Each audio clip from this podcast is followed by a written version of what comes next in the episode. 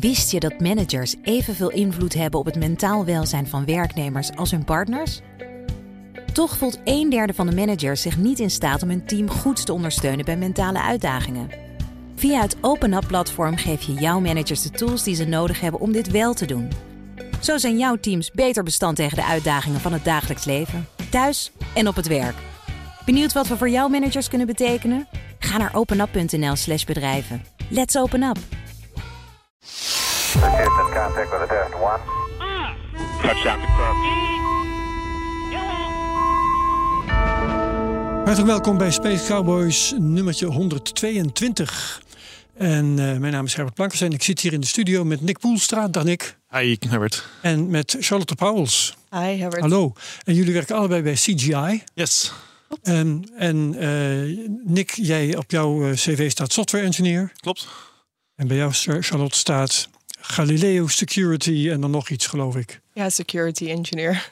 Wat, eh, vertel even, security als het gaat om Galileo, waar bestaat dat uit? Galileo, dan, dan is bedoeld, neem ik, neem ik aan, het Europese navigatiesysteem. Ja, dat klopt. Ja, En dat gaat voornamelijk en gerelateerd tot hoe wij zorgen dat de navigatiesignalen beveiligd blijven en dat de overheid die kan gebruiken voor verschillende toepassingen.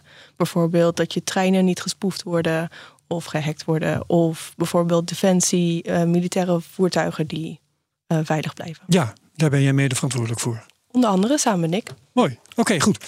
Ehm, we gaan het eh, over de laatste twee weken aan ruimtevaartnieuws hebben. Laten we even een rondje doen en eh, alle drie vertellen eh, wat, eh, wat je leukste onderwerp is vanavond. Zeg het, Nick. eh, bij mij is het, eh, hoe het gaan we wat fu- futuristisch doen. Eh, er wordt- Ja. er wordt de eerste demonstraties plaatsgevonden.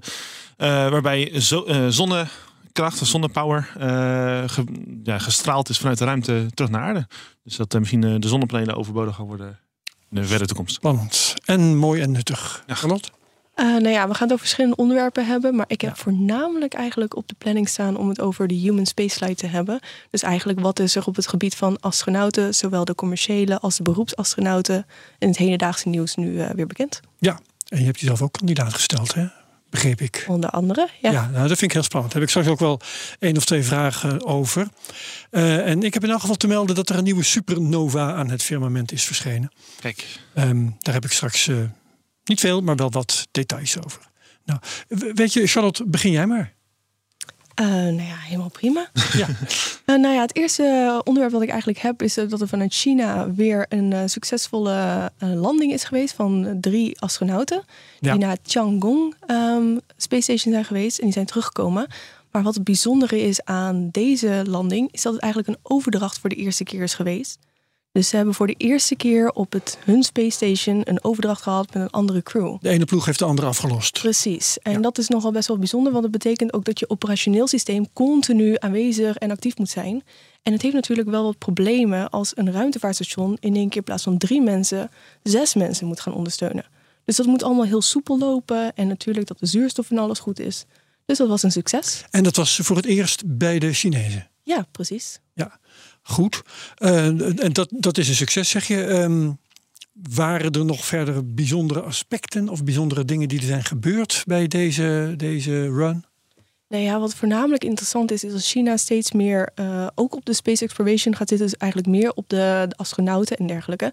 En niet meer alleen maar op satellieten en de maan. Dus hun eigen ruimtevaartprogramma wordt ook steeds actiever.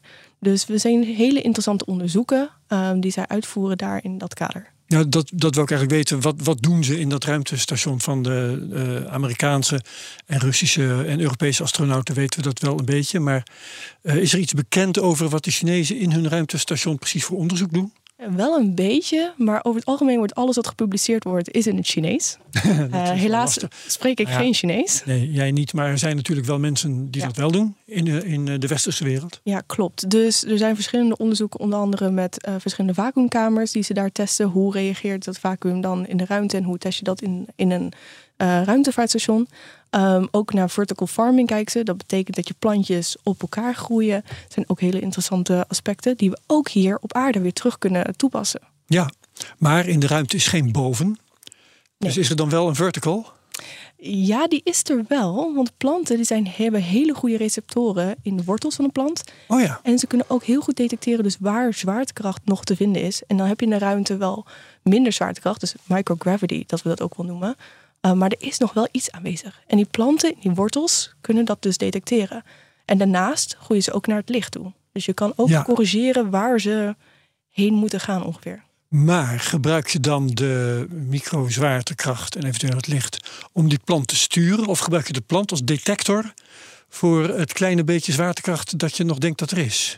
Nee, je zou het voor beide in principe kunnen gebruiken. Vooral als je voornamelijk eh, verder weg de ruimte in zou gaan, kun je dus planten onder andere gebruiken als navigatie van waar bevindt zich meer zwaartekracht. Ja. En dan kan je daar ook je sensoren op eh, specialiseren.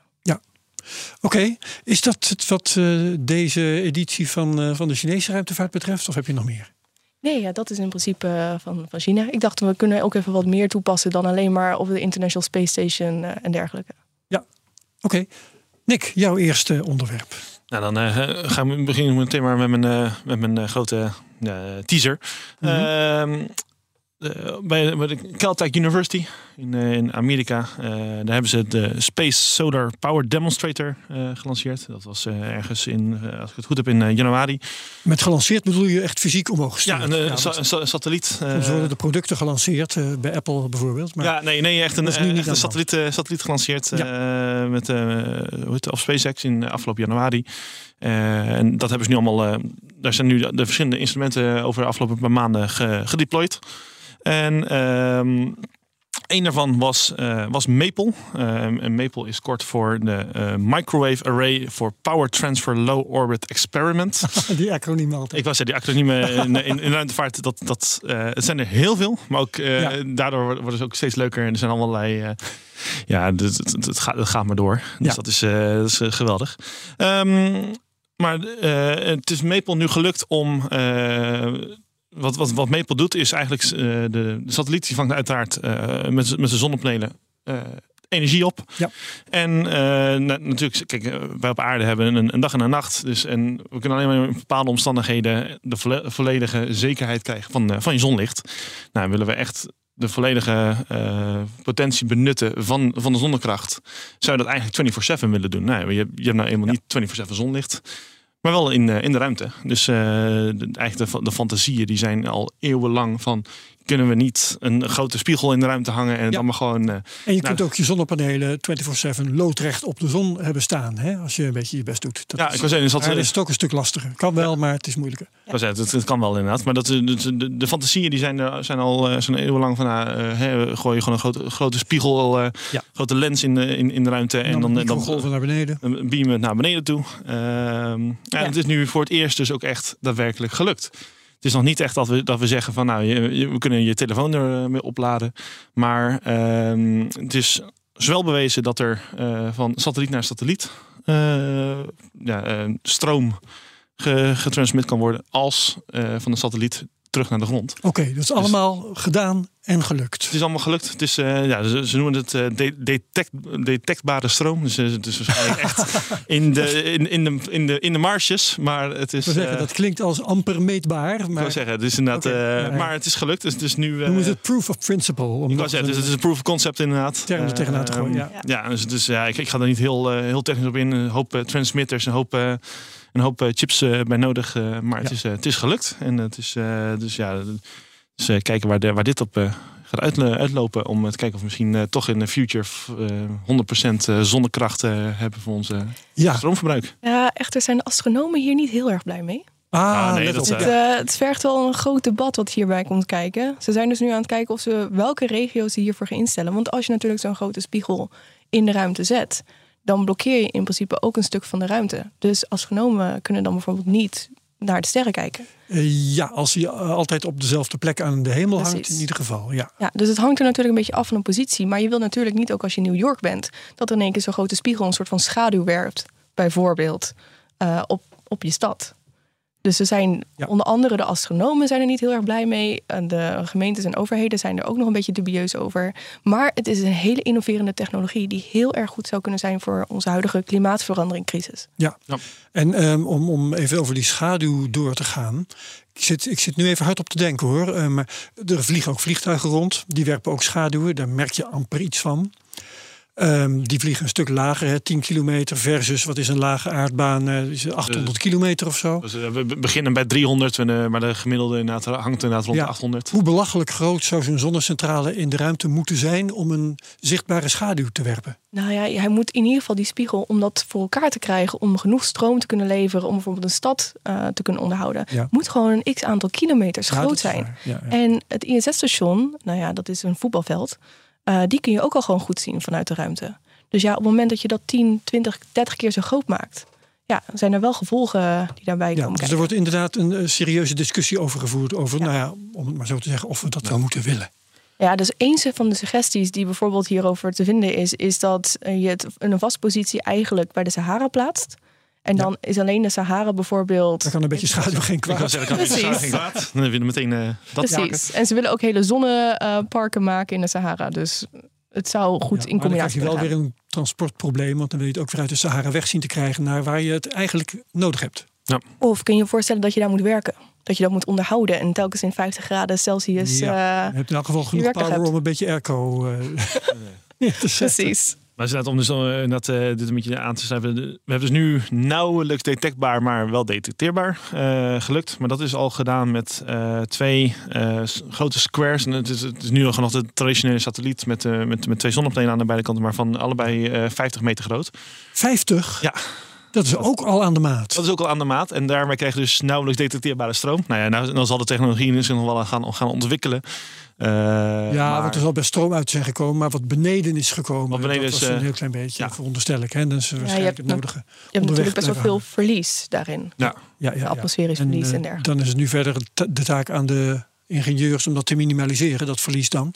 Ja. Eh, en dat is natuurlijk wel vaker vertoond. Hè? Dat ja, ik was het proof of concept, zoals jij het noemt, dat dat eh, nou ja, maar heel eh, klein was in termen van opbrengst, maar dat dat daarna orders van grootte omhoog ging. Ja, en dat- dat, dat kan ook heel snel heel groot gaan. We hebben als, als, als een mooi Nederlands voorbeeld daarvan. we zijn in Nederland vrij groot met lasercommunicatie. Nou, dat is eigenlijk ook gewoon licht versturen natuurlijk. Ja. En in 2014 is daarvan de eerste module op het ISS terechtgekomen. Dat was echt een, een, een bakbeest van. nou, het zal echt. Eh, je hebt twee mensen nodig om het, eh, om het te dragen. En eh voor mij uit mijn hoofd zeg ik 250 kilo. Nee. Ehm, en binnen, en dat, dat kon toen 50, 50 MB per seconde versturen. Nou, dat is, eh, het is, het is beter dan radio, maar het is nog steeds niet jet van jet. Nu, een paar jaar verder, hebben we al blokjes van nou, 10 bij 10 bij 10 centimeter. De, de CubeCat, sorry. Ehm, De telefoon wordt even uit. de telefoon wordt even Ja. uitgezet, excuses. Het? we hebben dus blokjes van 10 bij 10, bij 10 centimeter. eh de CubeCats die eh, hier in Nederland eh, gefabriceerd worden bij onder andere TNO. En die kunnen inmiddels al eh 1 tot soms wel 10 gigabyte per seconde versturen. Dus dat, nou, dat gaat, dat, dat, die updates die gaan zo hard. Ja. Dus dat, dat verwacht ik eigenlijk met, dit, met deze technologie ook. Oké, prachtig. Verder nog aanvullingen op dit onderwerp? Eh, nee, eigenlijk niet. Ja, de, de, de, satelliet zelf die, eh, die heeft nog, nog twee andere eh, leuke dem- demonstrators. Eh, ook weer leuke acro- acroniemen. DOLCE, Deployable On-Earth or- On Deployable On-Orbit Ultralight Composite Experiment. Dat is dus om, dat, daar zijn die panelen van om dat zo licht mogelijk te hebben, maar wel naar boven te krijgen. En we hebben, eh, waar is die? Eh, Alba, maar die, daar staat geen eh, afkorting mee. Maar die, Oh. is staat, staat ergens voor, maar Ja, ja, maar dat deployable enzovoort, dat ging waarschijnlijk ook over de zonnepanelen van dat ding zelf. Ja. Die op een handige manier misschien opgevouwen. ik was, die, die zijn, zijn helemaal opge- Uitgevouwen. Die zijn helemaal eh, opgevouwen tot, tot, tot maar één meter groot. En die kunnen eh, uitvouwen tot, tot die, die 50 meter. Wauw. Dus dat, Ja. eh, dat, dat- daar zijn hele origami-studies Ja. worden daarbij betrokken. Omdat dat de, op de meeste... Dat zou ik nog wel eens in animatie willen zien. Of eigenlijk nog veel liever in het echt. Hè? Dat, Ja. het- dat die dingen werkelijk worden uitgevouwen. Nou ja, Dat je kun je bij dat Airbus gaat. Nederland natuurlijk, kun je daar eh, wel aankloppen. Ja. Dat gaan we doen. Waarschijnlijk, eh, ik maak me sterk dat er eh, online wel een paar dingen staan. Eh, Ja, Ja, dat, eh, dat, eh, dat zeker. ja. Gaan we, dat is een, eh, een eh, opdracht misschien voor de luisteraars. Anders doen we het misschien een keer zelf. Ja. Oké.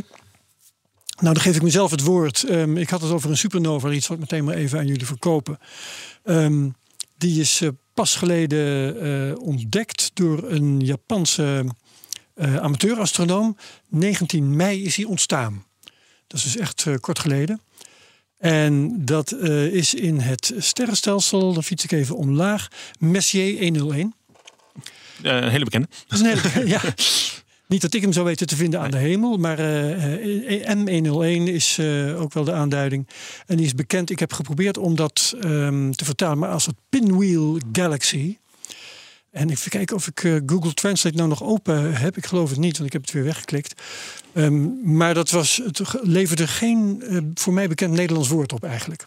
Nee, een pinwheel, ja. Ik ken hem eigenlijk ook alleen maar als pinwheel. Ik heb misschien. Juist, oké. Nee, ja. Ja. Ik moet zeggen, ik heb wel astronomie gehad, maar een pinwheel zegt me even 1, 2, 3 niks. Want vaak zijn nee. het inderdaad spin galaxies. Ja, ja Eh, eh, spiraal. eh, ja, stelsel. Het is ook een spiraalstelsel trouwens. Ik heb de foto's gezien. En misschien betekent het dat wel, maar ik kende dat woord in het Engels eigenlijk niet. Oké, dus het, eh, het Pinwheel Galaxy. En eh, dan moet ik eventjes terug. Ehm, hij eh, is dus sinds eh, 19 mei is hij zichtbaar. En de verwachting is dat hij een jaar eh, ongeveer zichtbaar blijft. Hij is net niet met het blote oog zichtbaar. Je hebt een goede verrekijker nodig om hem eh, eh, echt eh, met, met, met je ogen te kunnen zien. En anders een kleine kijker. Dat is ook voldoende. En, eh, in, eh, op space.com, waar ik het vandaan heb, daar worden mensen aangemoedigd om dan een bepaalde eh, kijker te kopen. Dus maak ik gele- meteen gebruik van om een verdienmodel op te plakken. Ehm, de supernova, zelf, zo'n supernova zelf heet, let op, SN 2023 IXF. SN staat ongetwijfeld voor supernova. Dat lijkt me makkelijk. 2023 is dit jaar en IXF is wat er dan overblijft. Ehm, dus onder die naam kun je hem googlen. Ehm, en het is een van de grootste en helderste die eh, in de afgelopen tien jaar te zien is geweest. Dus wat dat betreft echt wel de moeite waard.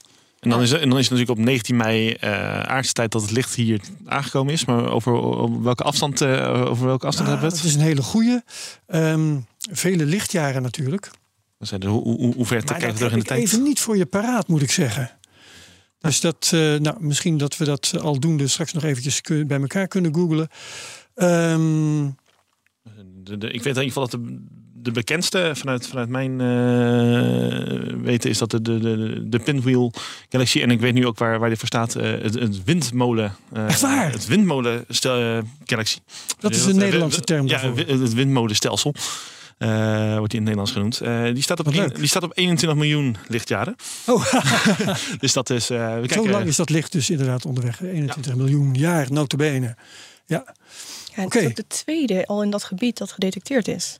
En vaak zie je dat wel hoor. Als er een supernova in een gebied eh, ontstaat, dan de deeltjes die daarbij vrijkomen, die stimuleren daarbij ook wel de omgeving en de andere sterren. Ehm, die nou ja, zorgt voor een bepaalde interactie. ja, ja, ja. Ik heb intussen eh, via Google Translate heb ik alsnog eventjes erbij gehaald. Pinwheel is het Nederlandse woord schijnt te zijn vuurrad. Nou, En ja. daarom dacht ik, dat kan het eigenlijk niet. Dat kan niet, wat, kan niet zijn wat het in de wandeling eh, betekent. Nee, in het Nederlands is inderdaad het, het, wind, het windmolenstelsel. Ja. Maar de verwachting, sorry. Maar gelukkig is het nu echt super mooi weer s'avonds en een heldere nachthemel. Dus eh, Ja, ideale kans om er zover met je. eh, we in Nederland dat nog kennen. Hè? Want- zeggen, moet- Ja. moet, moet je niet in, in, in hoe heet ik, ik kom uit Rotterdam. Nou, als, als wij eh, het ehm, online met de andere Kuipers heb je nu eh, heb je een, eh, een kaartje eh, hoeveel sterren je kan zien op, Ja. jou, op jouw locatie. Nou, in, eh, in Rotterdam vanuit mijn huis is het ongeveer 180, eh, 180 sterren die ik aan de hemel kan zien. Nou, dat Ja. is. eh, Nou, ik woon in de achterhoek notabene en het is bij ons zelden meer. Daar is ook de hemel eigenlijk altijd melkachtig. En de melkweg zie je eigenlijk nooit meer. Nee. Nee, dus dat is heel treurig. Ehm, maar goed, voor mensen die dan eh, een, een voldoende sterke telescoop hebben of een verrekijker eh, die in een goed gebied wonen. ehm, hij zal ongeveer een jaar in het zichtbare licht eh, te zien blijven. En daarna ook nog in andere golflengte. Dat is tenminste de verwachting van de deskundigen op dit moment. En eh, waar, moeten, waar moeten mensen hun eh, telescoop op richten? Welke, welke richting? Nou ja, Messier 101, ik- eerlijk gezegd weet ik niet waar, in welke windrichting die op welk moment staat. Hij ligt in de constellatie van Ursa Major, dus ook wel de grote beer. De grote beer. Nou, Juist. dat, Dus eh, dat die, is, die, die moeten vinden. Het, het, In de het buurt van de, van de Poolster. ik wil zeggen, het, het stilpannetje. Oké, dat is eh, wat mij betreft het verhaal van de supernova. Charlotte mag weer. Oh, top. Ja. Nou ja, het is gewoon fascinerend. Ik leer hier gewoon constant nieuwe dingen. Ja, nou ja, maar dat geldt voor iedereen die hier komt. Dat, dat, dat, dat, is de bedoeling, toch? Ook, eh, Ja, precies. Nou ja, ik had nog een update eigenlijk ook vanuit Spanje. Eh, Want Spanje die heeft zojuist zich bijgevoegd aan de NASA Artemis-akkoord. Dus Oké, ja, en dat is nog wel eh, dat betekent dat ze gaan meebetalen. onder andere. Ja, maar Spanje is natuurlijk, die heeft pas net zijn eigen Space Agency opgericht. Die komen echt pas zo? net kijken. Ja, Oh. en ze worden nu al toegevoegd aan het NASA Artemis-akkoord. Maar Spanje is toch wel onderdeel van de ESA. Het is onderdeel van de ESA, ja. Maar ze hadden tot voor heden hadden ze gewoon nog niet een eigen. Space Agency. Wauw, oké. Ja, dus dat is, eh, dat is wel een goed ding. Ehm, dus NASA-administrator Bill Nelson, ehm, die is dus bij de ceremonie geweest in Spanje eh, een paar weken terug. Of nee, vorige week. Ehm, en die heeft daar dus onder andere met de minister ontmoet om dat voor te zetten. Nou hebben wij bij CGI toevallig heel veel Spanjaarden die bij ons werken. Ja, Dus het was ook wel een, eh, in, een interne... eh, ja, je hebt een feestje gegeven. Een intern feestje in, eh, moeten we... Nou, we hebben nog geen intern feestje gegeven. Maar ik weet niet of de Spanjaarden dat wel, eh, wel zien zitten. Dat kan ik me wel voorstellen. We hebben, dus die geven toch wel graag een feestje, een fiesta. Ja, of een siesta. Ehm, nee, maar in dat betrekking ook. We zien wel steeds meer activiteit in de, in de Spaanse ruimtevaartsector komen. Ja. Eh, dus onder andere de werking met de zonnepanelen met Airbus wordt bijvoorbeeld ook met eh, Airborne en eh, verschillende andere bedrijven gedaan. En sommige daarvan die zitten ook bijvoorbeeld in Spanje gevestigd. Dus we zien daar wel een opmars vanuit komen. En nou toevallig gaan Mark, andere Space Cowboy en ik. Mark ehm, Heemskerk. Ja, Mark Heemskerk, Jawel, klopt. ja. Wij gaan aankomende juli gaan wij naar Spanje toe. Voor een, eh, een ja, analoge astronauten ruimtevaarttestcampagne. Komen we zo. Nou, laten we het daar meteen maar over hebben. Jullie gaan daarheen. Ehm, en ook samen eh, met een aantal, met, een- met een heel team neem ik aan, ergens een of andere cabine in en daar eh, dan een paar maanden niet uitkomen. Nou ja, het is zelfs nog beter. We gaan in een grot zitten. Een grot. Ja. Dan zitten Mark en ik eh, zitten voornamelijk vanuit de organisatie. Dus we sturen andere mensen erin. Eh, en binnenkort wordt de selectie daarvan bekendgemaakt. Maar ik kan je zeggen dat het eh, een interessante selectie is. En dat er... Want de selectie is al bekend in, in, in termen van dat die is gemaakt, maar hij moet nog bekend gemaakt worden. Nou ja, vanavond, eigenlijk na deze meeting, meet het team, de selectie, ontmoeten elkaar voor de eerste keer. En daarna inderdaad zullen we het eh, bekendmaken via de officiële kanalen eh, wie er allemaal in zit en wie de selectie heeft gemaakt. Briljant. Nou, het is jammer dat wij die primeur dan net eh, mislopen. Ja, helaas. Ik zat nog te denken, kunnen we de meeting naar iets naar voren zetten, dat we het hier officieel bekend kunnen maken? Ja, maar ja, ja. het voor de volgende keer. Dat is niet gelukt. Oké, nou jammer dan. Maar wat valt daar verder over te vertellen? Er gaat dus een team de grot in. Mark en jij horen bij, mag ik zeggen, het management of iets dergelijks? Oké, ehm, wat gaat er precies onderzocht worden? Want oké, je gaat in, in zo'n eh, eh, nou ja, grot in dit geval zitten. En je gaat een tijd lang samen dingen doen. Hè, of je juist heel erg vervelen. Eh, maar wat is de vraagstelling? Nou ja, we kijken naar verschillende experimenten eigenlijk. Eén daarvan is van de TU Delft. Dus zoals je wel bekend de Lunar Zebra rovers van kent. Dus zij zullen onder andere ook meedoen. En dan inderdaad kijken hoe die rovers reageren als ze opgesloten zitten in die ruimte met die mensen. En hoe de mensen-robot-interactie daarbij reageert. Aha, mens-robot-interactie. Oké, ja, en het idee is eigenlijk dat die rovers op een gegeven moment naar de maan gestuurd zou worden. Dus dat de astronauten die dus naar de maan gaan, dus ook daadwerkelijk die rovers gaan eh, besturen. En dat ze dus zelf ook een beetje kunnen ontdekken van waar zal de water liggen, waar zijn interessante plekken waar we de astronauten heen sturen. Ehm, waarom moeten mensen die robots besturen? Want we hebben al zoveel ervaring met robots die zichzelf besturen. Nou, het is een beetje van beide. In principe reageren ze of doen ze de eerste analyse gewoon automatisch. Maar ze moeten die data natuurlijk wel naar, naar iemand toesturen die dat analyseert en dan vervolgens kijkt van oké, daar willen we heen. En dan vervolgens communiceren met de andere robots om daar ook heen te gaan. Ja. Oké, en waarom zou dat iemand op de maan moeten zijn? Ik, ik stel alle vragen maar eventjes hoor. De data kunnen ook naar iemand die op aarde gewoon achter een bureau zit. Ja, maar dan heb je natuurlijk tijdsvertraging erin zitten. En een expert ter plekke die kan veel beter inschatten of het daadwerkelijk een interessante plek is. Of dat het een, een foute dataset bijvoorbeeld is. En dan is het veel sneller om te reageren en ook daadwerkelijk te gaan kijken, is dat interessant? Want ja, anders duurt het weer een week, Ja. dan weer een week voordat de data terug, eh, of in ieder geval de verwerking en zo is. Ja. Ehm, dus ja, er gaat gewoon heel veel mensenuren tijd over. Ja, dus het idee is wel onder die omstandigheden dat de robot ergens is waar de mens eventueel ook naartoe kan gaan. Ja, Als de robot precies. iets interessants si- signaleert, dan gaan we gewoon even zelf kijken. Ja, en dan het onderzoek waar ik eigenlijk voornamelijk mee bezig is, eh, ben, eigenlijk is om te kijken met augmented reality. Dus dat je zo'n eh, Google HoloLens op hebt. En dat dan de roverdata misschien direct daar naartoe gestuurd moet worden. Dus dat de astronaut live feed krijgt van waar die heen kan gaan. Ja. Om te helpen met navigatie. Ja, oké. ehm, en wat is dan precies jouw taak daar in dat team? Wat, eh, wat doe jij als je daar zit? Nou ja, Mark en ik zijn de eigenaar van het bedrijf. Oh, Dus wij moeten eigenlijk zorgen dat het allemaal een beetje soepel verloopt. en Dat de jullie hele de campagne. contractors. Ja, precies. Wij worden dan ingehuurd om eh, dit allemaal op te zetten. Ja, ja, We zijn ja, nou, maak, maak ook even meteen reclame noemen het eh, naam van het bedrijf eventjes. Waar je, Oh jeetje. Nee. Ja, Eh, ja, IC Space. Maar we zitten eigenlijk voornamelijk eh, wereldwijd zijn we bezig. Dus het wordt wel vanuit Nederland georganiseerd.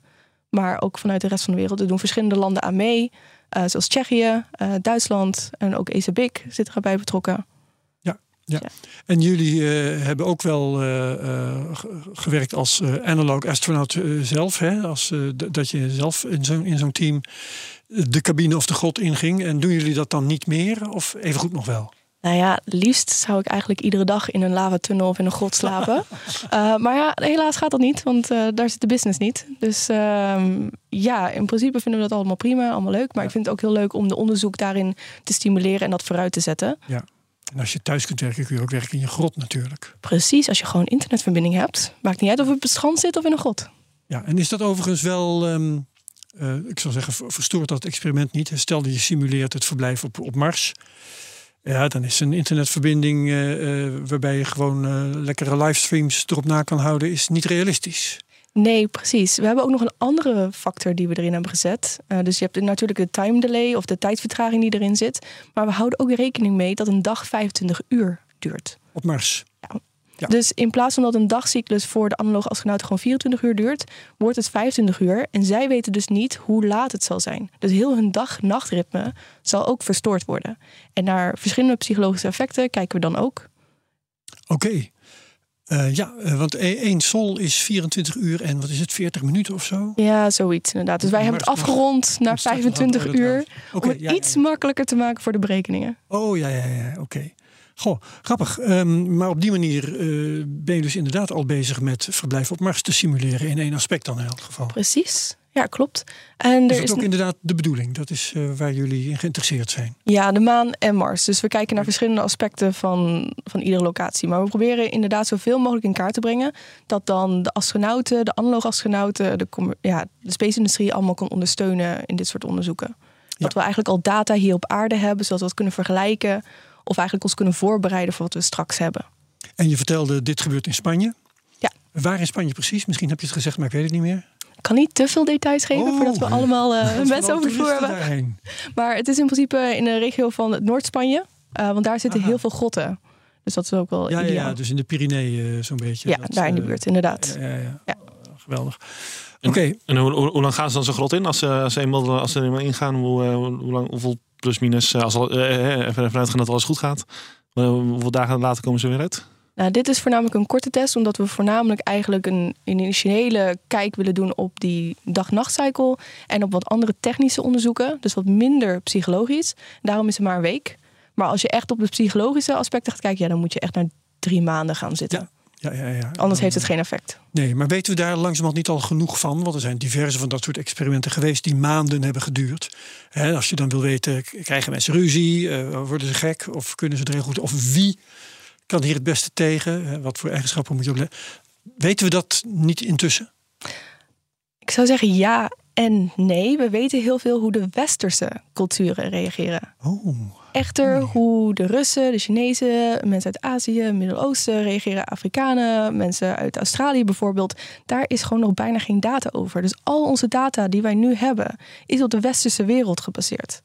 ja. En, En is dat niet een, een kwestie van, eh, zoals het wel eens wordt gezegd, de, de eh, verschillen binnen elk van die groepen zijn gewoon groter dan de verschillen tussen die groepen? Eh, maakt het uit? Weet je niet genoeg als je het van de westerse mens weet? Nee, helaas niet, want de culturen zijn gewoon heel anders. Dus mensen reageren heel anders. Als je iemand bijvoorbeeld uit Japan hebt, Nou ja, die zijn over het algemeen gewoon heel respectvol. En er zijn ook binnenvetters. Dus die houden het over het algemeen, houden ze het meer binnen. Je goed hebben. Ja, terwijl als je een Nederlander hebt, nou ja, die zegt over het algemeen Ongeschikt. gewoon recht voor zijn raap wat hij ervan vindt. Ja, ja, ja, ja, ja. Dat wil zeggen ongeschikt. Eh, misschien, nou ja, dat, ik, ik stel het maar als vraag. Wat blijkt uit, uit de experimenten? eh, wat kun je het beste hebben in een team? Iemand die gewoon zegt waar het op staat? Of iemand die alles opkropt? Het ligt er voornamelijk aan op de manier dat je het zegt. In principe is open communicatie en goed met je team communiceren is cruciaal. Maar het is wel de bedoeling dat je dat op een nette manier zet. Dus inderdaad niet dat je alles opbouwt en dan in één keer een snel geeft van... eh, Nick, wat ben je nou aan het doen? Ook, ook geen rocket science, hè, als ik het zo mag zeggen. Ehm, ik bedoel, eh, deze uitkomst verrast mij niet. Duidelijk zijn, maar beleefd. Precies, maar ja, dat hanteren wij hier op de werkvloer. En in de ruimtevaart proberen we het ook te hanteren. Maar heb je wel eens met je familie of met vrienden twee weken opgesloten op een vakantie of iets... en dat je op een gegeven moment toch wel de nekharen overeind gaan staan? Ja, Ja, dat eh, komt voor. Ja, nou ja, dat soort risico's wil je natuurlijk niet hebben. Ja, Dus ja. nee, precies. Niet als er miljarden op het spel staan eh, aan kosten voor een missie. Oké, ehm, dat gebeurt dus in Spanje. Want je, je begon over Spanje, toen raakten we hierover aan de praat. Eh, nog meer over de eh, Spaanse ruimtevaartorganisatie en de Spaanse deelname aan Artemis. Want daar begon je over. Ehm, nou ja, in principe verwachten we dus nu dat Spanje dus ook meer in de space exploration sector, dus de, de human spaceflight, terechtkomt. Dus we zullen verwachten dat er nieuwe projecten, nieuwe kansen daar ook uit zullen komen, waar Nederland of andere Europese landen ook weer aan bij kunnen dragen. Dus eh, het, biedt mogelijk nieuwe kansen voor onderzoek als voor bedrijven. Dus eh, ik zou zeggen, hou het in de gaten. Ja, dat gaan we zeker doen. Mede met jouw hulp natuurlijk. En goed, eh, Nick, had jij er al, had jij er al twee eh, eh, verteld? Of? Nee, ik ben zeker. Jij bent aan je tweede toe nu, hè? ben aan mijn tweede toe. Precies, Ja. dus ga je. Nou, om, om dan meteen maar in te haken op, eh, op nieuwe kansen. Ehm, onze, onze eigen defensie, die heeft aangegeven volledig in te gaan zetten op eigen satellietcapaciteit. Het was altijd van, nou, is niet nodig, het is niet nodig.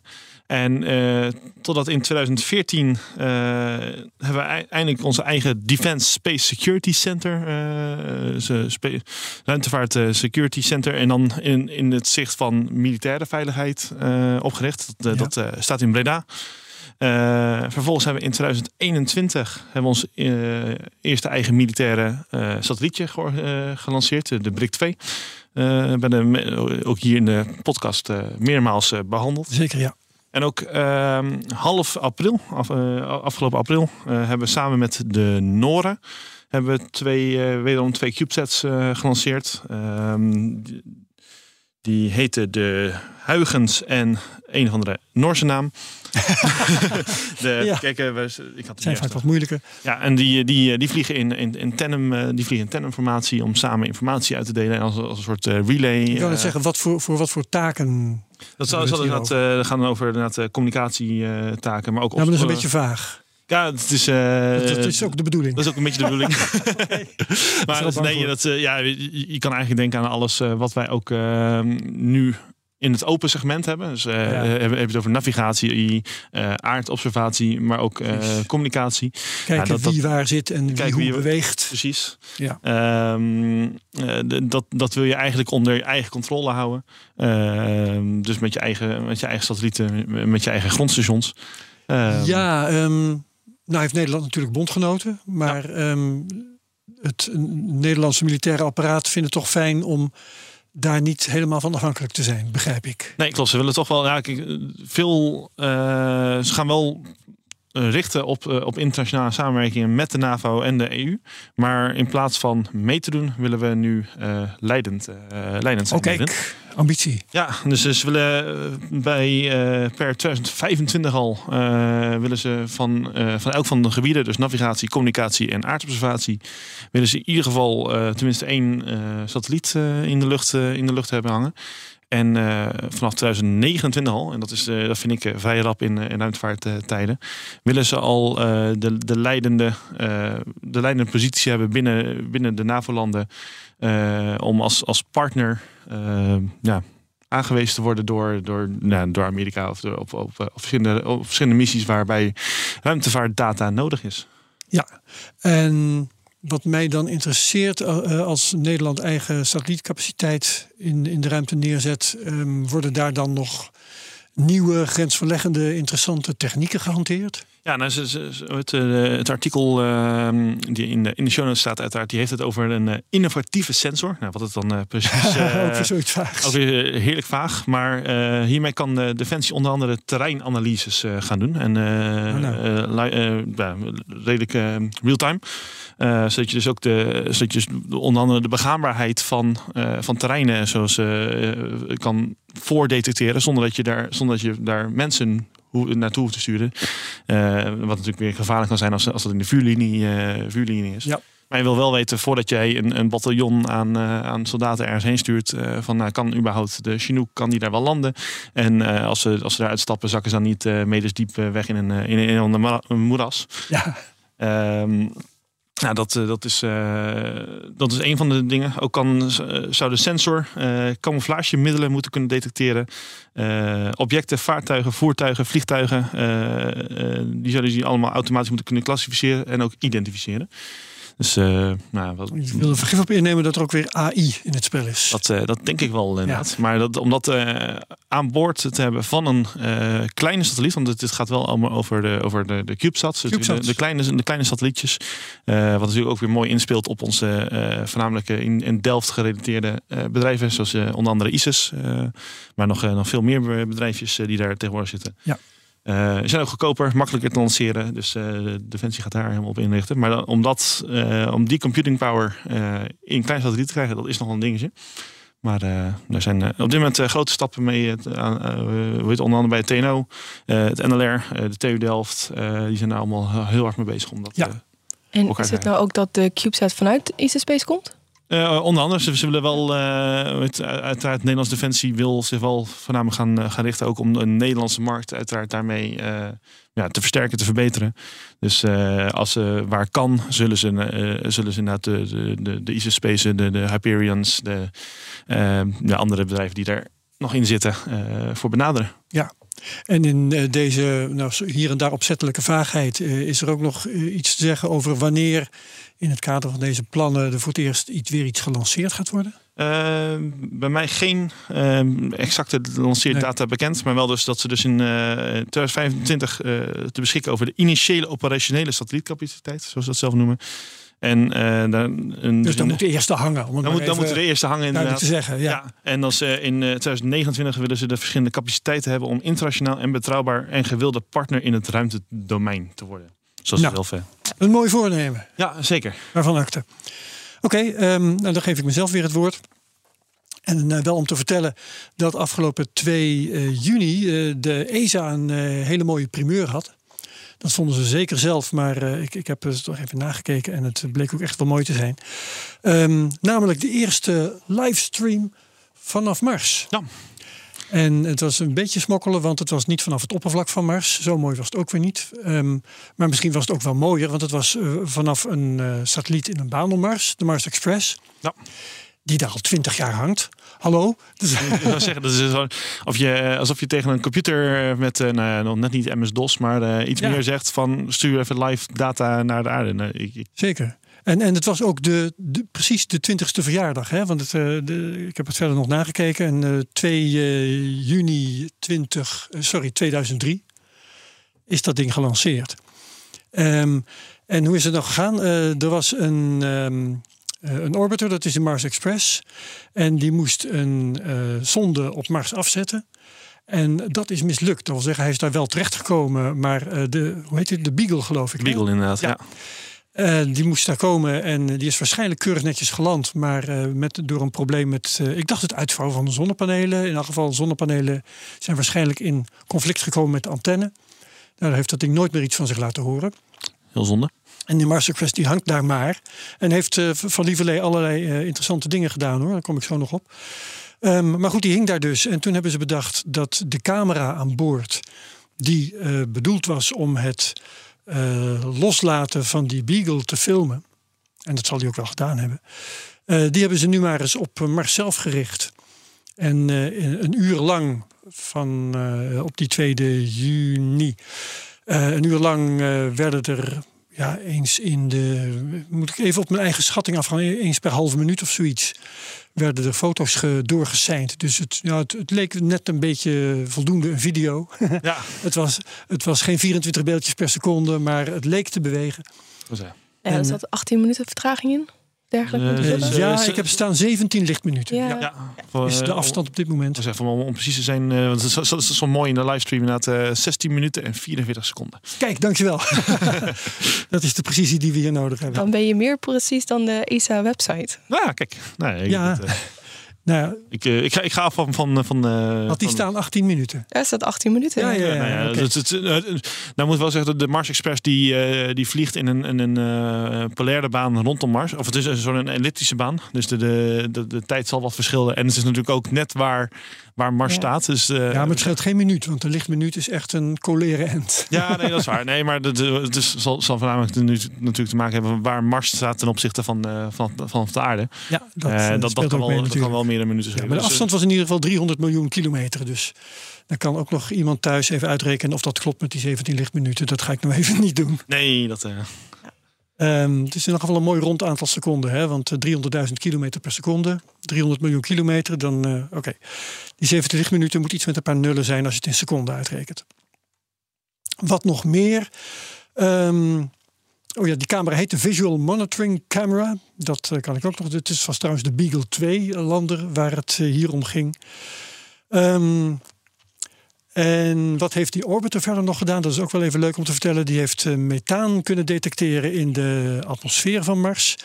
Heeft een mogelijk zout meer onder de Zuidpool van Mars weten op te sporen. En heeft de samenstelling van het ijs op beide polen ook nog onder de loep genomen. Dus daar is dankzij deze camera meer over bekend geworden.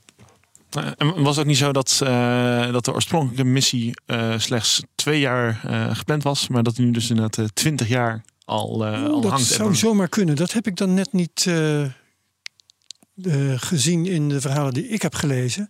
Wel dat pas nog de missie is ehm, verlengd tot eh, tenminste 2026. Kijk, Dus er komen even. nog drie jaar bij. Nou ja, ik lees ook dat er eh, hele bijzondere eh, vindingen zijn gevonden. Waaronder dus van die, van die beelden. Maar onder andere dat er ook dus wolken zijn op Mars. En dat die wolken helpen om het vormen van waterijs op Mars. Dat is ook wel Hey, weer een en op welke manier dan?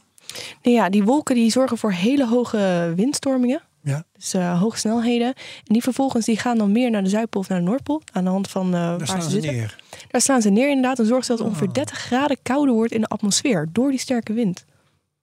Jeetje. Is eh, significant. Ja, dus eh, nou ja, ik neem aan dat we op een gegeven moment eh, Mars gaan koloniseren.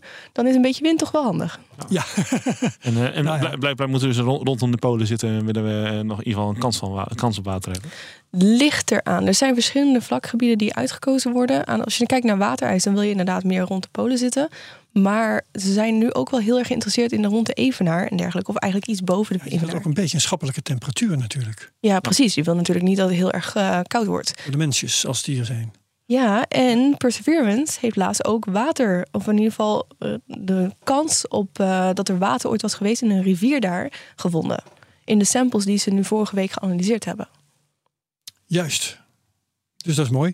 Ehm, nu jij Perseverance noemt, daarom was ik even stil. ehm, eh, wil ik nog even vertellen dat ik de gedachte had: waarom is er eigenlijk nog nooit een. Is er niet ooit eens een livestream geweest? Ik kon me bijna niet voorstellen dat vanaf Perseverance nog nooit een livestream was georganiseerd. En eh, toen ben ik erachter gekomen, dat was eh, in onze eigen appgroep, eh, dankzij Michel van Baal, die daar duidelijke taal over sprak. Dat heeft te maken met de manier waarop de beelden worden verzameld en worden doorgestuurd. Gaat via een orbiter ook weer. En die orbiter heeft één antenne, die kan maar één kant op gericht zijn. Dus die is of aan het ontvangen of aan het doorgeven naar aarde en kan nooit allebei tegelijk. Kijk. Dus vandaar dat er nooit een livestream is geweest van het oppervlak van Mars. En het is dus echt waar dat deze livestream van ESA de eerste livestream vanaf Mars is geweest. Ja, wel zijn er verschillende video's, zoals we bijvoorbeeld van die drone Tuurlijk. hebben gezien, die, eh, die helikopter die overgegaan is. Uh, maar inderdaad, het is, uh, ja, het is gelimiteerd beeld wat je krijgt. En allemaal een beetje hakkerig en blokkerig. Ja, Ja, en, al, en, Bandbreedte. en, en met, met ja, vaak minimaal een week, uh, week vertraging. Dus dat is nu, uh, Precies. ja, nu maar 17 minuten live beeld. Dat is uh, Eh, brand nieuw, zou ik zeggen. Het was een uur en het was met commentaar en zo. Hè? En er eh, waren allerlei mensen bijgehaald, deskundigen, die dan, eh, terwijl we de beelden zagen, eh, commentaar mochten geven. Dat staat allemaal nog steeds op YouTube en daar linken wij naar vanaf de show notes. Ja. Op de Space Cowboys pagina op bnr.nl. Oké, Charlotte, jouw volgende onderwerp. Oeh ja. ja, we gaan er ook wel hard doorheen. Nou, Eh, dat, dat kun je zeggen, maar we gaan ook hard door de tijd oh, oké, oké, oké. Eh, Nou ja, ik heb nog wel... al op twee derde van eh, onze hele Oh, lengte ja. van het programma. Tijd gaat hard als je het leuk hebt. Ja. Eh, nou ja, ik heb nog wel een grappig feitje. Nou, het is eigenlijk wel een oud feitje, maar ik kwam het van de week tegen op eh, de Instagram-pagina van een ESA-influencer Danny, eh, Danny Tio. Ehm, dat er Heb je dus. ook al ruimtevaart-influencers? Ja, die heb je. Oh jee, daar En- moet ik me meteen op abonneren. Ja, nou precies. Nee, je kan jezelf bij ESA aanmelden, hè? Oh. Bedoel je als je zelf een influencer bent? Nee, ja, als je het gewoon leuk vindt om verslaglegging te doen over de ruimtevaart, dan kan je je bij ESA aanmelden. Oh, iedereen kan dat doen. Ja, iedereen kan zich aanmelden. En je moet natuurlijk wel redelijk wat affiniteit hebben en redelijk wat audience. Accepteer, accepteren niet iedereen, bedoel je? Nou ja, dat ligt eraan. Je gaat gewoon door een selectie heen en dan word je uitgekozen. Want er zijn verschillende ruimtevaartevenementen, Ah. waaronder die van Juice. En daar werd er inderdaad een oproep gedaan aan Juice, mensen. De zonde die eh, naar, eh, wat is het, Jupiter gaat. Ja, precies. De Juice IC Explorer. Zoiets. Eh, maar inderdaad, er werden mensen gewoon gevraagd. Gewoon het publiek of mensen die geïnteresseerd waren om daar naar toe te komen naar Duitsland. En dan een live verslaglegging te doen. Wat leuk. Ja, ja het zijn eh, interessante beroepen. Dus eh, ja, hartstikke interessant. Dus misschien, Herbert, als je het nog leuk lijkt en je ziet een oproep voorbij komen. Meteen solliciteren. Ik zou je zeker Videootje aanmelden. insturen. Nee, goed, maar dat is, eh, dat is leuk. Ehm, en verder? Nou ja, daar werd dus eigenlijk aangekondigd. En ik was een beetje perplex dat dit überhaupt gebeurd was. Maar ze hebben in 2006 hebben ze een ruimtepak van de cosmonauten van Rusland. Hebben ze losgelaten. Gewoon zonder een, een verbinding hebben ze gewoon de ruimte ingestuurd. Jij, jij uh, meldde dat in onze appgroep en ik zag die foto en ik was echt perplex. Ja. Want ik wist dit helemaal niet. En Nee. hoe heeft dit buiten de pers kunnen blijven, vraag ik me af. Dat vraag ik me dus ook heel erg af. Want kun je je voorstellen dat jij een astronaut bent en je gaat een ruimtewandeling doen. En in één keer zie je een lichaam voorbij gaan. Nou ja, ik zou me echt een soort van denken dat ik in een horrorfilm zit en dat we juist worden aangevallen door aliens, weet ik, weet ik wat. zo'n beeld uit, uh, hoe heet die film ook weer? Gravity of zoiets? Gravity. Ja, Gravity dat, inderdaad. Met uh, um, Sandra Bullock en zo. Ja, Sandra Bullock en uh, George Clooney. Ja, Ja, le- een leuke film. Maar uh, het idee erachter was niet van... hé, hey, we stoppen een mens erin en we laten die mens gewoon de ruimte ingaan. dat zou te bizar zijn. Ja, ik denk ook niet dat er nog... Nou, er, is, een- er zijn wel de doden geweest in de ruimte, maar dat Wat? terzijde. Zijn er doden geweest in de ruimte? Ja, Nou ja, dus- Nee, uh, echt waar? ja, er zijn doden geweest in de ruimte. Er zijn verschillende astronauten die zijn uh, toen een capsule niet goed ging... of dat, er, dat ze teruggingen Ja, naar de er aarde, dat er iets Een misging. keer een paar Russen zijn dood aangekomen, maar die zijn niet in de ruimte overleden, toch? Volgens mij, nou, ik zou het even dubbel moeten checken... maar volgens Ja. mij zijn ze ook wel in de ruimte dat, ze, dat het inderdaad niet goed ging... Nou, met inderdaad nooit of verteld. We, hebben natuurlijk uh, arme Laika, die, uh, Ja, nou ja De, de Leica, de... het hondje. Hondje, ja. Nee, oh, nee, Laika. het, ja, Laika, ja, ja. Het, uh, wat is het, 1975 ergens? Nee, Uh, uh, ja, 57. Ik dacht even, heb je het nou over Leica, het fotomerk, maar het is Nee. een Hasselblad die ook nog eh, rondvliegt. Lot. Ja. Ja, maar dat hondje inderdaad. Ja. Nou ja, toevallig heet mijn hond ook Laika. Nee, dat is volgens mij helemaal niet toevallig. Ik denk niet dat het toevallig is inderdaad. Maar eh, ik stuur haar niet de ruimte in. Ik hou veel te veel van haar, dus eh, Ja, dat blijft lekker heel, bij mij. heel verstandig.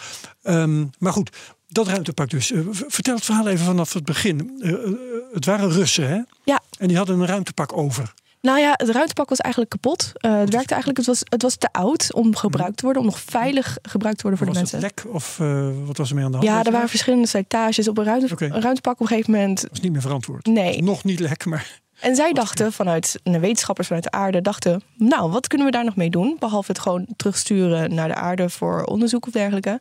Zij dachten, we maken er een satelliet van. De eerste satelliet die gemaakt is van een ruimtepak.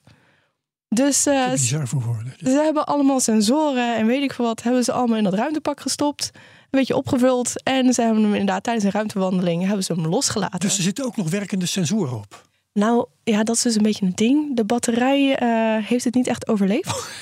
Dus eh, hij is volgens mij na een paar maanden al, dat zou ik even moeten checken, is hij alweer in de atmosfeer eh, terechtgekomen. En, Oh, hij eh, is, hij is intussen weg. Ja, hij is er helaas niet meer. Oh, ik, ik vond het verhaal zo mooi. Ik had eigenlijk wel gewild dat mensen nu met hun telescoopjes omhoog hadden gericht om te kijken of ze hem nog. Of nog konden zien. dus geen zin meer. Ja, ik vraag me dus af of astronomen rond die tijdsperiode dat toen hebben waargenomen. Wat zie ik nou? Ja. Ja, dat zou best wel een fascinerend iets kunnen zijn. Geen, geen telescoop heeft dat oplossend vermogen natuurlijk om dan de menselijke gestalte te herkennen, Ja, het is zal waarschijnlijk te klein zijn om te detecteren. denk ik. Dus, eh, en hij, hij zende in Want principe, was- het signaal was te zwak. hoogte, dat is 600 kilometer. Wat is? Een 408, 408. Ja, Ja. Dankjewel voor deze precisie.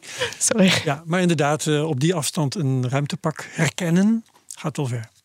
Ja, nou ja, als je de sensoren hebt die een bepaald, eh, en natuurlijk een antenne hebt die een bepaald signaal uitsturen, dan kun je natuurlijk wel als je dat signaal detecteren. Ja. En volgens mij was het wel de bedoeling dat ze dat signaal hadden ze publiekelijk gemaakt, zodat inderdaad ruimtevaart en, en ja, enthousiaste mensen dat inderdaad zouden kunnen detecteren en daarmee konden spelen. Ja, ja, ja, ja. Ehm, maar het is misschien nog wel leuk om dit voor herhalingen vatbaar te maken. Ja, als er weer eens een ruimtepak eh, naar de Voddenboer moet. Ja, de huidige ruimtepakken zijn ook alweer 20 jaar oud. Dus er worden op dit Ja, moment heel veel. nieuwe eh, ontworpen, hè? Ja, er worden heel veel nieuwe op dit moment ontworpen door andere Axiom en eh, nou ja, verschillende bedrijven, E ILC, ILC Dover. Maar ESA is ook geïnteresseerd om eh, hun eigen ruimtepak eventueel te gaan ontwerpen. Het is nog allemaal in beginfases, maar de eerste designwedstrijd is, heeft al plaatsgevonden. Oké, en is er ook een winnaar uitgekomen? Nog niet. Nog Nee. niet. Nee, daar zijn ze nog mee bezig. En eh, ik ben wel benieuwd wat eruit komt. Maar het is in Ja. principe meer een artistieke impressie. En een beetje technisch, maar het is voornamelijk artistiek nog eerst. Eerst gewoon het visuele, Ja, hoe zou het eruit kunnen zien? meer vanuit een Europees perspectief. Hoe zou een Europese ruimtepak eruit kunnen zien? Ja, ja, ja. Is dat de goede manier om het aan te, eh, om de goede plek om te beginnen? Want ik zou zeggen, je gaat toch, zeker in de ruimtevaart, eerst uit van functionaliteit. Hè. Wat willen we ver- verbeteren aan de huidige ruimte? Hoeveel lichter moeten ze? Eh, hoeveel gemakkelijker moeten ze zijn? En daar, hoeveel eh, eh, beweeglijkheid heeft de astronaut nodig? Ja, In plaats maar van dat je gaat kijken hoe moeten ze eruit zien. daar wordt inderdaad al heel veel onderzoek in gedaan. Daar ben ik onder andere ook een beetje mee bezig. Dus hoe passen we verschillende technologieën in een ruimtepak en hoe maken we het meer ergonomisch voor de astronauten? Dat vooral de vrouwen niet eh, bont en blauw eh, eruit komen, omdat de pakken veel te groot zijn. Ehm, maar ja, het is, het is meer een marketing-idee ook om eerst even te kijken hoe kunnen wij Euro- Europa visualiseren. Ja, Want we weten al heel veel over de ruimtepakken en er wordt al heel veel onderzoek naar gedaan. En er werd bij zo'n project van hoe moet het eruit zien, wordt natuurlijk inderdaad, zoals jij zegt, ook gedacht aan eh, nou ja, wat, wat doet het leuk bij het grote publiek. Precies, want als je de steun krijgt van het publiek, als we de steun krijgen van Europa om eigen pak te gaan ontwerpen, wat ik ook erg denk dat nodig is, ehm, dan, ja, dan streeft dat ook wel weer de technologie naar voren. Leuk, het doet mij het hele verhaal van dat ruimtepak onweerstaanbaar denken natuurlijk aan Elon Musk hè, met zijn auto. Die die Ja. ruimte, ruimte in heeft gestuurd. Kan je die nog zien? Starman. Nou, volgens mij eh, is die in een baan om de zon inmiddels. Dus Ja, die komt niet zo vaak eh, meer langs. Nee, die is echt om, om een baan om de zon eh, ter hoogte van Mars. eh ergens, ja, voor mij zelfs iets, iets er voorbij. Hij had Ja, nog door het beeld van eh, eh, Mars Express kunnen Ja, flitsen. gaan we misschien bij nog, wijze van spreken. Ja, er zijn- er zijn, toen de tijd allemaal eh, eh, wetenschappelijke papers eh, op losgelaten dat er een kans is eh, dat, dat die in de eerste 1 miljoen jaar misschien één keer op de aarde toch weer terug kan klappen. Maar in principe is hij eh, gewoon ergens in de baan om de zon. Je kan hem wel, eh, je hebt eh, de website eh whereistheroaster.com. Ehm eh, daar- Ja, de Roadster, dat is een Roadster. Tesla Roadster. Hè? Tesla Die, Roadster, ja, ja, ja, inderdaad. precies. eh where's the road.com uh, kan je precies zien waar, eh, waar, waar, waar die precies zou- ongeveer zou moeten zijn. Ehm, de, eh, leuke feitjes daarbij is dat ehm, aan boord eh, werd, werd de radio, eh, werd op de radio Spaceman eh, gedraaid. Ja, ja, ja, van David Bowie. Van David Bowie inderdaad. En eh, er wordt precies uitgerekend, eh, aangenomen dat de batterij van de radio nog steeds doet, eh, hoe vaak dat nummer nu al voorbij gekomen is. Dus Nou ja, dat is... eh, Ik zat ook al te kijken, kan je nog die livestream op YouTube eh, kijken? Maar helaas, hij staat er. Eh, nou ja, Is je kan nog wel oude beelden terugkijken, Ja, maar er de is livestream geen- is gestopt. Ja, er Ja. is geen eh, live verbinding meer natuurlijk als hij zover uh, werkt. Nee, alle, alle, alle batterijen eh, aan, aan boord die zijn, eh, van de auto, die zijn, eh, het was gewoon een eh, auto-accu eh, die, het, eh, die het levert. Dus die, die, Die zijn, was eh, na een dag, na drie dagen misschien, die, zijn, is eh, hij echt wel leeg. die zijn overleden inderdaad. Oké. Dus, eh, leuk om, om te bedenken van wat als. Het zou voornamelijk leuk zijn als we straks weer naar, naar Mars gaan of dergelijke. We sturen echt mensen naar Mars en dan kom je hem in één keer tegen. Ja. Dus in plaats van een ruimtepak, kom je dan een auto tegen. Met een, met een ruimtepak erin, hè? want die Starman Ja, die zat ja. er wel degelijk achter het eh, stuur. Zeker. Ja. Nick, jij was nog aan het vertellen jouw laatste onderwerp. Ja, nou ja, ehm, close to home eh, voor, de, voor mij en Charlotte. Hè. En dat is, eh, en dat is wel puur toeval. Eh, we, hebben ook, we hebben verder ook niet zo heel veel met dit onderwerp te maken. Maar we zijn natuurlijk inderdaad eh, allebei werkzaam voor CGI, voor Galileo onder andere. En, en ook voor, voor EGNOS. Wat is EGNOS? EGNOS is de eh, navigatie. ver- ja, eh, je noemt het de enhancer. Ehm, dus een, een verbeterslag voor je navigatiesignaal. En daarbij ook te, te kijken, kijken of de inte- integriteit van, eh, van de navigatiesignalen van GPS, of die nog werkzaam eh, zijn. Dus dat is eigenlijk eh, even heel, heel makkelijk uitgelegd. Eh, als je navigeert puur op basis van, van de GPS of Galileo-satellieten, heb jij een nauwkeurigheid van een, een, een x aantal meters, eh 2 tot 5 meter. Eh, gebruik je daar een EGNOS-slag overheen, eh, dan gaat je nauwkeurigheid naar 20 tot 40 centimeter. Ah, kijk. Kijk, dus dat eh, dus zeker in, in de stad waarbij je, waarbij je om de paar meter weg... echt eh, op welke rij, rijstrook je zit. Hè? ja, en dus Ja. eh, voor, voor eh, precision farming is dat, eh, is dat eh, enorm eh, Aha, goed. ja. En eh, voor eh, bijvoorbeeld eh, eh, vliegtuigen die over, over de meest optimale baan moeten landen, eh, is dat allemaal, ja, die wil je niet naast de baan hebben. Ja. Dus is- er wordt daarvoor gebruikt. Nou, en eh, zowel Galileo als eh, voor eh, zijn afgelopen week met groot nieuws gekomen. Allereerst EGNOS, een klein nieuwsje dat de, de, de nieuwste payload aan boord van, van de satelliet. Die had ik hier staan. De Eutelsat Hotbird 13G satelliet. eh, die in november 22 gelanceerd is vanaf eh, Cape Canaveral. Dat die eh, live gekomen is. En ehm, dat is de eerste payload die voor EGNOS V3 eh, beschikbaar is. En dat, EGNOS V3 is, zal, zal de eerste EGNOS systeem worden waarbij ook Galileo gebruikt kan worden. EGNOS V2 eh, was puur voor, voor GPS.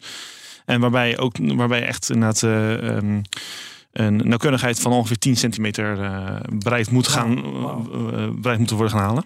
Wordt dat ook haalbaar voor consumenten met hun GPSje in hun auto en dergelijke? De, de, de, je systemen zullen wel aan, daarop aangepast moeten worden. Dus Uiteraard. we zullen echt nog sensor moeten hebben. Maar ja, is beschikbaar. het zal beschikbaar moeten komen. Ja, ja en auto zeg ik maar, in smartphones ligt het meest voor de hand. Hè? Die Ja. vervang je het snelste. Die vervang je het Is dat, eh, betaalbaar, dus daar ja, ja, dus in het de- het eerste tegenkomen. ja, dus in de, in de nieuwste telefoons zit al echt ons VT eh, ingebakken.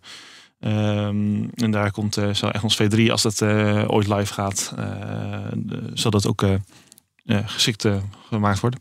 Gaaf. Ja, en dat, nou, dat, dat was echt nos. De, eh, eigenlijk het grootste nieuws is nog dat eh, afgelopen week eh, hadden we hier in eh, Noordwijk bij ESTEC hadden we het, het European Navigation Conference, het Europese navigatieconferentie.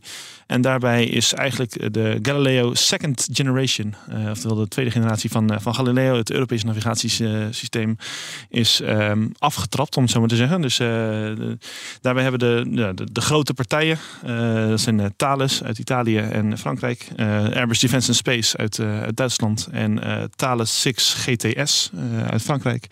Eh, dat zijn de drie grote partijen die hebben daar onder toezien in het oog van ESA Director of Navigation, Javier Benedicto, ehm, hebben daar een handtekening gezet onder, het, onder de grote Galileo-contracten zodat eh, de, eerste satelli- de eerste tweede generatie Galileo-satellieten eh, gebouwd kunnen gaan worden. En dat ook eh, de grondsegmenten en alle, alle, al- alle andere infrastructuur eromheen, dat het allemaal gereed kan, kan worden om nou, de tweede generatie Galileo nou, live te krijgen in, Ja. de, in de eerste komende paar jaar. Ja. Is die eerste generatie eh, al helemaal af eigenlijk? Eh, nee, en dat, dat is eigenlijk het gekke. Dus eh, zijn Ja. op dit moment eh, zijn er. Als we eh, daar eens over hebben dan. Ja, nee, zijn, zijn op dit moment zijn er 28, eh 28 satellieten in, eh, in de lucht van, eh, van de eerste generatie. Galileo. Ehm, dat, dat is wel, eh, zoals ze noemen, eh, full operational capability. Eh, dus daarmee hebben ze dus volledige dekking. Maar als er nu één satelliet eh, uitgaat, wat wel dreigt te gebeuren. Eh, of het is Mhm. niet dreigt te gebeuren, dat eh, eh, de- in de levensduur zou dat voorzien zijn dat het in de eerste, eerste komende paar jaar eigenlijk de eerste satellieten toch wel aan vervanging toe zijn. Ehm, eh, ja, dat, die moet gewoon vervangen worden. Ja. Maar er, er staan er nog vier, ik kijk even shot even aan, er staan nog vier op de grond die in, de komende, in het komende jaar gelanceerd nog moeten worden. Ja. Uh, het was eigenlijk plan dat het al uh, allemaal lang en breed gelanceerd zou zijn. Maar dat, uh, zoals de meeste ruimtevaartprogramma's Altijd wel. loopt, dat, loopt dat vertraging op. Ja, en, en wie gebruikt dit? Want um, voor zover ik weet, hè, mijn auto en mijn smartphone en dergelijke gebruiken gewoon het GPS-signaal van de Amerikaanse militaire apparaat.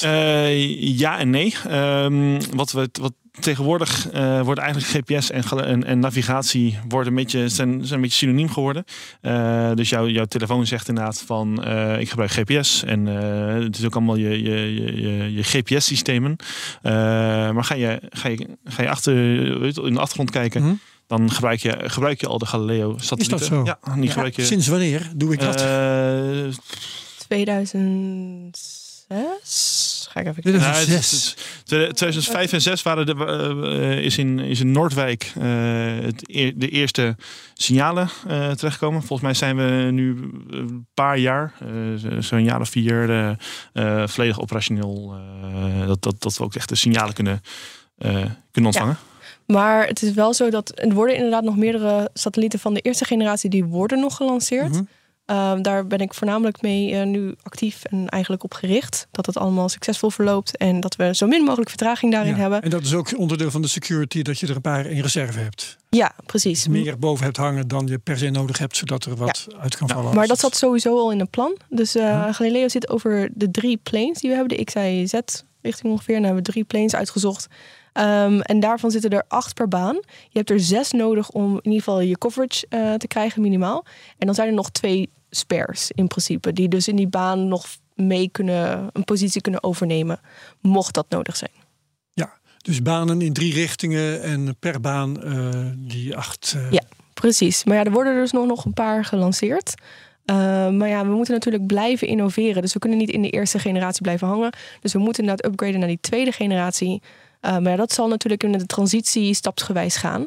En eigenlijk het belangrijkste wat geüpdate wordt, zijn dus onder andere het signaal, dat het geoptimaliseerd wordt, maar ook de klokken. Uh, dus ik denk dat Nick daar ook wel het een en ander over kan vertellen. Maar je wilt natuurlijk steeds preciezer en accurater hebben. Dus dat je niet een tijdsverschil tussen je signaal hebt. Ja. En dat er een vertraging op zit. Uh, dus het moet allemaal zo precies mogelijk. Ja. En er komen nu nieuwe klokken in. En die zullen het nog beter gaan doen, nog langer gaan doen. En eigenlijk het hele systeem optimaliseren. Ja, en het hoofd, hoofdzakelijke gevolg is dan meer nauwkeurigheid in de plaatsbepaling. Ja, Ja, dus precies. inderdaad, uh, nauwkeurigheid, dus nou, inderdaad, de, de klokken die worden nog wel nauwkeuriger. Dus uh, want eigenlijk als je het hebt over 1 nanoseconde, 1 nanoseconde verschil, dus 0,00090 uh, 1. Als je daar, daar al een tijdverschil hebt, dan, dan, dan schuif je al drie meter op. Dus uh, nou, daar, daarvoor, daarvoor heb je die precieze klokken uh, nodig. En, uh, de klokken inderdaad in de nieuwe satellieten worden nog weer nauwkeuriger, waardoor je eigenlijk de nauwkeurigheid die ik net met EGNOS vertelde, ga je al bijna direct krijgen vanuit de, vanuit de Galileo-satellieten. Dus ja. dat is in ieder geval het idee. Daarnaast hebben we nog de, de, zal de search and rescue uh, capaciteit van de, van de satellieten uh, verbeterd gaan worden. Dus dat is uh, wanneer er een ongeluk. Normaal weten de navigatiesatellieten weten niet waar jij bent. Nee. Jij, weet, navigatiesatellieten die, die zeggen gewoon hier ben ik. Reken hier maar mee uit waar jij dan bent. Precies. Uh, zo werkt dat. Dat, Dat, dat is jouw de- software dan. dat, dat is jouw software op je telefoon. Eh, dus de- niemand weet waar jij, eh, waar jij bent. Maar met de Search and Rescue eh, is dat wel het geval. Eh, dus als, als er een, een, een schip in nood is of zo, of echt in een on, onher, onherbergzaam gebied, dan eh, zijn er eh, methodes dat je dus aan de satelliet kan vertellen waar je bent. Zodat de satelliet weer aan de, auto, au- aan de autoriteiten kan vertellen waar Dat is jij dus twee richting verkeer Dat is die, die er vroeger niet was. ja, dus dat, dat, eh, dat, wordt nog. Dat wordt, eh, het, het is er al, het is al wel, maar het wordt eh, nog, weer, nog weer verder verbeterd. Ehm, ja, en dat, dat eh, en ook, de, maar ook de, de klokken worden dus nog. eh, dat de klokken verbeterd worden, dat heeft ook impact op, je- op eigenlijk de financiën. Dus eh, Oh. zeg maar, je, je, bank, de, de banktransities, maar ook bijvoorbeeld in, nou, in, de- in de blockchain, waar jij natuurlijk vanuit de technoloog Yes, meer dan genoeg over weet. Dat wordt allemaal nog preciezer met de, met de timing vanuit de, de, navigatiesatellieten. Ja. Dat heeft allemaal. nou ja, ik kan nog, ik kan nog uren erover verder. laten we dat, niet laten we dat niet doen. Maar Nee. dat is, dat- het is een, het is een grote grote, grote milestone eh, voor eigenlijk heel Europa. eh, dat eh, dit eh, er nu wel aan zit te komen. Hartstikke mooi. Nou, eh, Sorry, ik wil nog even een correctie maken. Want ik zei natuurlijk 2006 dat de eerste Ja. lancering was. Nou, ze hebben in 2003 hebben ze pas de opdracht eh, getekend. En uiteindelijk de eerste lancering was in 2011. ah, oké. Ja, van, de, van de eerste operationele inderdaad. We hebben eh, in 2005 hebben we al eh, GOV-A en GOV-B eh, al eh, gehad. Waarbij eh, de eerste eh, satelliet, eh, dus de eerste, eh, dat was eigenlijk de derde proof of concept. eh, Ja. Oké, Van- hebben we net op tijd de feiten nog correct. Ja. Ehm, onze tijd is zo'n beetje vol. Ehm, ik ga nog net wel eventjes kort vertellen wat ik nog had. Eh, we hadden het al over Mars en, eh, en de, de Sol en dergelijke. Nou, ehm, er is eh, net een kleine week geleden bekend geworden dat in april die Mars-helikopter Ingenuity ehm, bijna een week lang zoek is geweest. Hij was stil. Wat? Ja. ja, dat is voor jullie ook nieuw. Ja, Ja. nog niet eerder gehoord. Ehm, de, even kijken hoor. De, eh, hoe heet zo iemand? Chief Engineer van eh, Ingenuity, Travis Brown. Die heeft op 26 mei een update gepubliceerd over Ingenuity. En eh, daaruit blijkt dat in de loop van april zijn ze het spoor van Ingenuity kwijtgeraakt. Zeggen, hij was dus ergens in die krater. die heeft ook een naam, iets met een J, kom ik zo direct weer tegen. Ehm, De daar was- Jervis Crater. Juist. Eh, daar eh, was hij geparkeerd en er was eens in de zoveel tijd wel contact. Ehm, maar ja, het is daar winter. Dat is ook de reden dat hij even in winterslaap was gegaan. Eens in zoveel tijd raakte hij dan in een, in een soort slaapstand. En hield hij even zijn mond. Maar toen ze hem weer wakker wilden maken, toen heeft hij zes dagen lang helemaal niks van zich laten horen.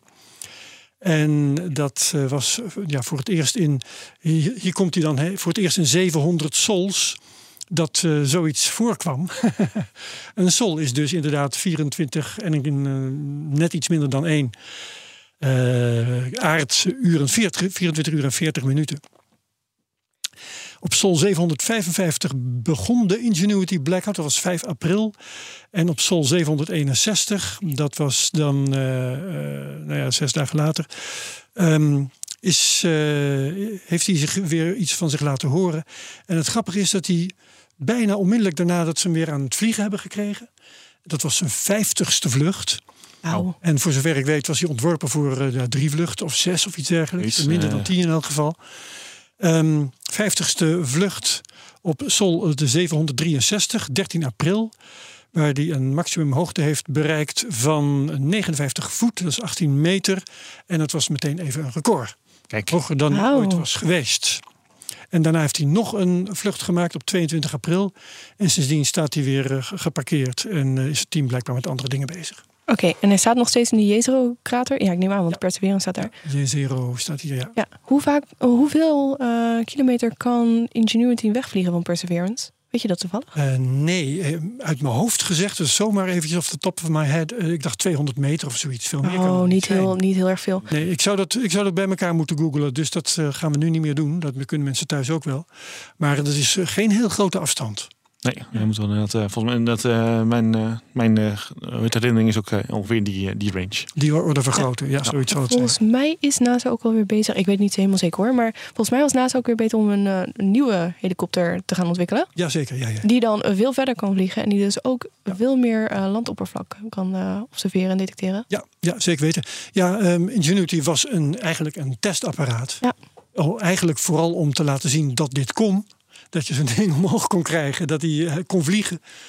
En eh, echt serieus de ene vlucht na de andere. En daar dan ook eh, ja, bepaalde concrete waarnemingen mee doen. Dat stond helemaal niet op het programma. Ja, dus eigenlijk kunnen we maar weer constateren dat we in de ruimtevaart weer iets geover-engineerd hebben. Ja. Ja. Wat dat- natuurlijk heel belangrijk is. Compenseert eh, leuk voor vluchten die ook wel eens gewoon de mist in gaan. Hè? Zoals die Beagle 2 bijvoorbeeld. Ja. Dan heb je een Ja. hele hoop werk gedaan. En dan is het resultaat eh, nul, nihil, niks, nada. Ja, dat is wel een leuke Mars Express die dan een livestream organiseert. Twintig jaar later.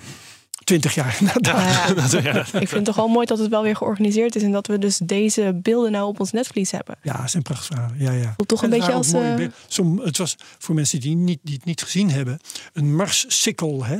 Je keek eh, eigenlijk vanaf de nachtkant van Mars naar de dagkant. Ik heb het niet eens helemaal beschreven. Eh, dus het was echt een heel fraai beeld. Zoals je dat vanaf aarde natuurlijk nooit kunt zien.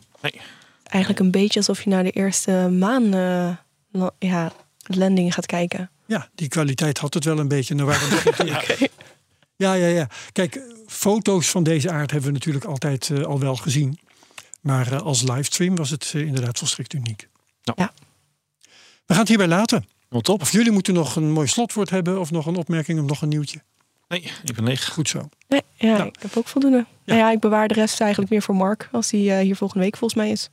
Dat is heel goed. Zal over twee weken zijn. Oh ja, over twee weken. Ja, klopt. De rest eh, Sorry. heb je gelijk. Ja, ja, ja. Oké, prachtig. Nou, eh, Charlotte Pauwels, hartelijk dank. Dankjewel. Poelstra, hartelijk dank. Ja, graag gedaan. Mijn naam is Herbert Blankenstein. Eh, dit was Space Cowboys nummer 122. En heel graag tot over twee weken bij 123. Dag allemaal. Tot, Tot ziens. Doei doeg.